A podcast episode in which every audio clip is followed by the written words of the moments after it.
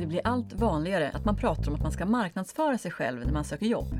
Men vad innebär egentligen det och hur kan just du göra det på bästa sätt? Dagens gäst är Mia Törnblom. Hennes riktiga jobb är individ och ledarutvecklare på MT Ledarskap.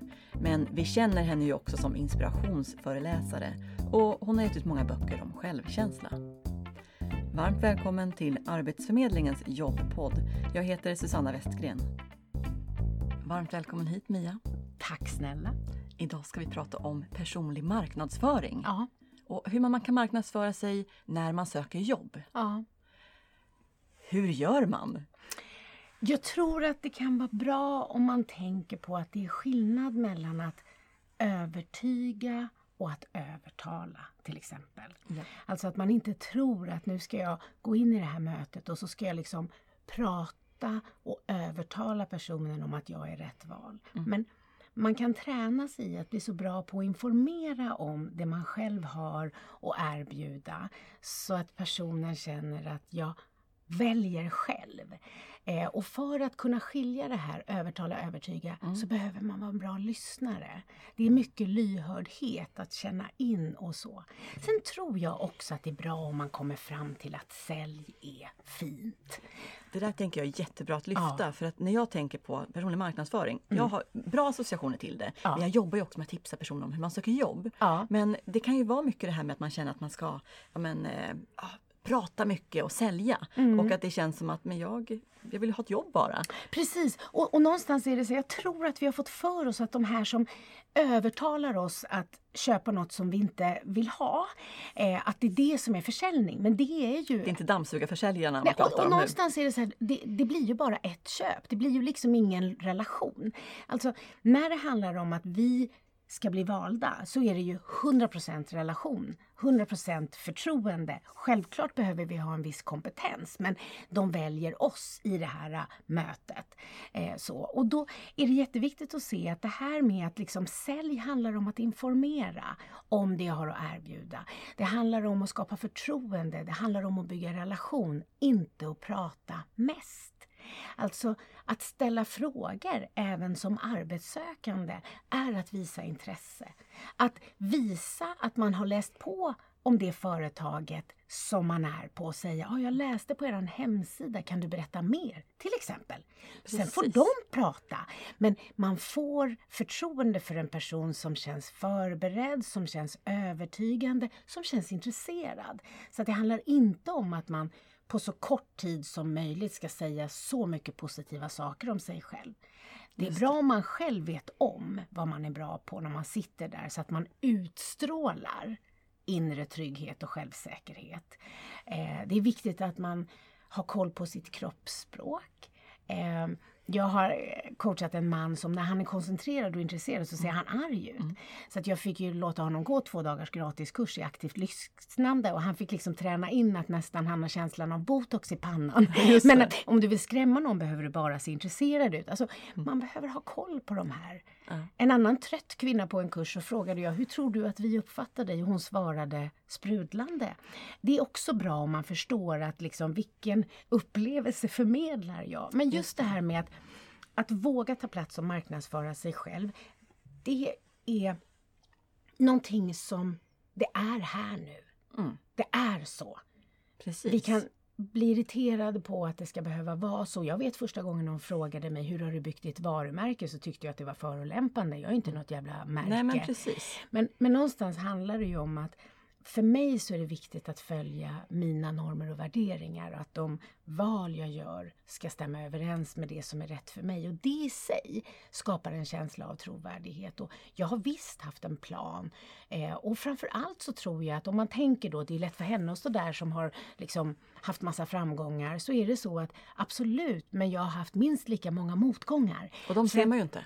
Ja, eller jag, jag, sätt, jag har skrivit nio böcker. Det var en, en ingenjör som sa till mig, du har byggt en hel karriär på alla dina misstag. Så jag tror nog att jag, om man läser böckerna så är jag väldigt generös med att berätta om mina misstag. Men jag menar, idag jobbar jag med svenska damlandslaget.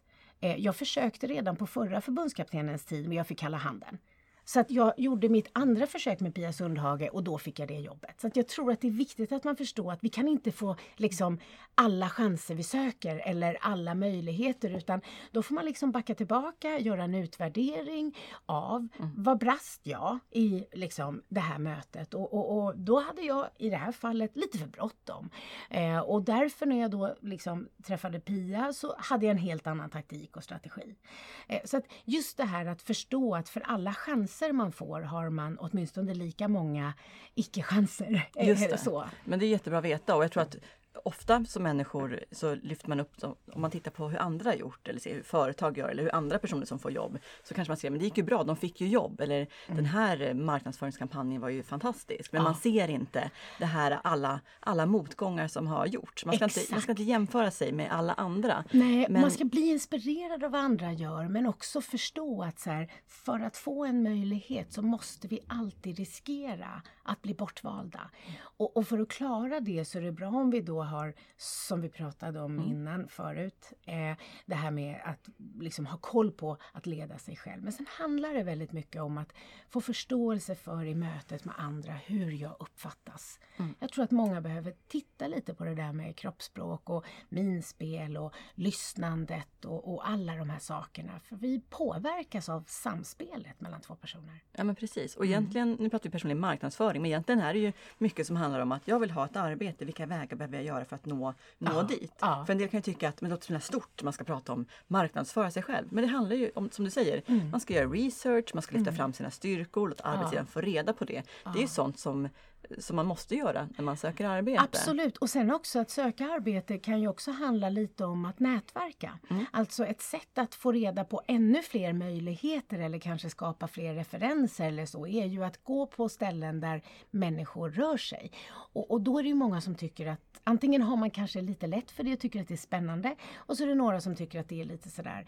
Och då brukar jag säga, tänk på att du måste inte berätta om dig själv, du kan ställa frågor. Alltså, mm. att Sälja handlar framför allt om att lyssna, att vara lyhörd, att vara intresserad, att ställa frågor om andra. Så Det är inte så att man behöver vänta tills man känner att gud vad jag är sugen på att prata om mig själv utan du kan visa dig otroligt sympatisk genom att vara intresserad av andra. Ja, och säkerligen kanske lite, lite mer sympatisk också. Mycket att mer. visa så mycket, mycket intresse. Mer. Ja. Men jag tänker också att när jag tänker på marknadsföring så tänker jag på extroverta personer. Man ska vara utåtriktad och på hugget. Mm. Men nu när du nämner det här med att man ska lyssna och man ska vara inkännande så är det ju ja, men det här är någonting som, eh, som man inte behöver ha en sån personlighet för. Absolut utan inte! Det är inte alls en förutsättning. Däremot så tror jag kanske att en, alltså, en extrovert person kanske är lite för ivrig och kan uppfattas av någon annan som sitter där. Så att en extrovert person behöver också vara lyhörd för att se, möter jag en till extrovert person så blir inte den stressad av högt tempo och hög energi nödvändigtvis. Mm. Men det kan en annan sort bli. Mm. Så att just att tro att den som tar mest plats, liksom synligt, kanske inte alltid är den som passar för just det här jobbet. Men att, att förstå att så här, även om inte jag är en person som tycker att mötet med andra människor är mest spännande jag kan tänka mig, inte naturligt har frågor, så, så går det att förbereda sig med lite frågor och läs på om företaget och kom och säg att jag läste det här, det tyckte jag var mm. spännande, kan du berätta mer? För då är den andra personen igång och pratar lite och då känns det tryggt och sen så följer man med. Så att, mm.